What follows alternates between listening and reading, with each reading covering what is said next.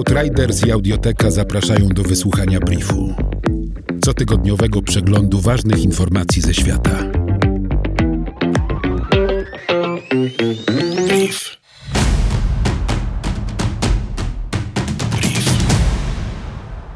Małoletni są zagrożeni skrajną biedą, przemocą domową, pracą przymusową, małżeństwami z dorosłymi i rekrutacją do grup zbrojnych i przestępczych, ostrzega holenderska organizacja pozarządowa Kids Rights Foundation.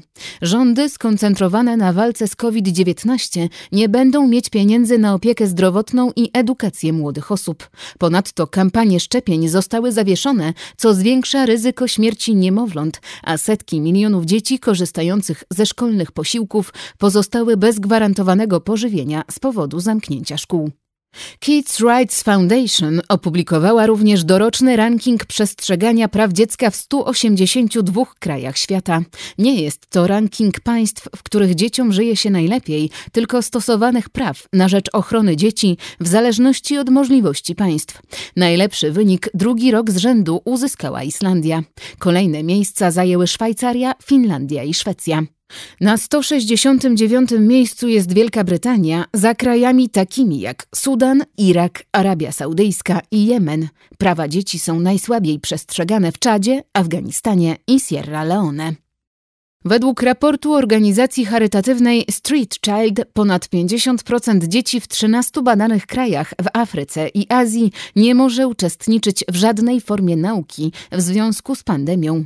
Wiele krajów zdecydowało się na wprowadzenie systemu nauki online, jednak zwiększyło to różnice w edukacji między bogatymi a biednymi. Na przykład w Indiach tylko około 1 trzecia uczniów ma dostęp do treści online.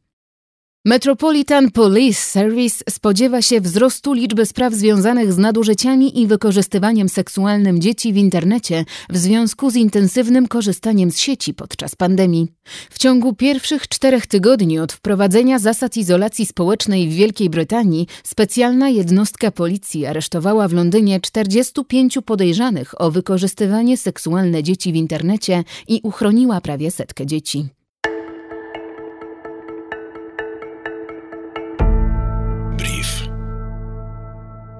Stany Zjednoczone rezygnują z węgla kamiennego. Paliwo to jest coraz mniej konkurencyjne z powodu niższych cen gazu ziemnego i energii odnawialnej. W 2020 roku ogłoszono, że w najbliższych 11 latach zostanie zamkniętych 13 elektrowni węglowych, w tym elektrownia Coal Creek Station w Dakocie Północnej. 109 milionów ton CO2 wyemitowanych w latach 2009-2019.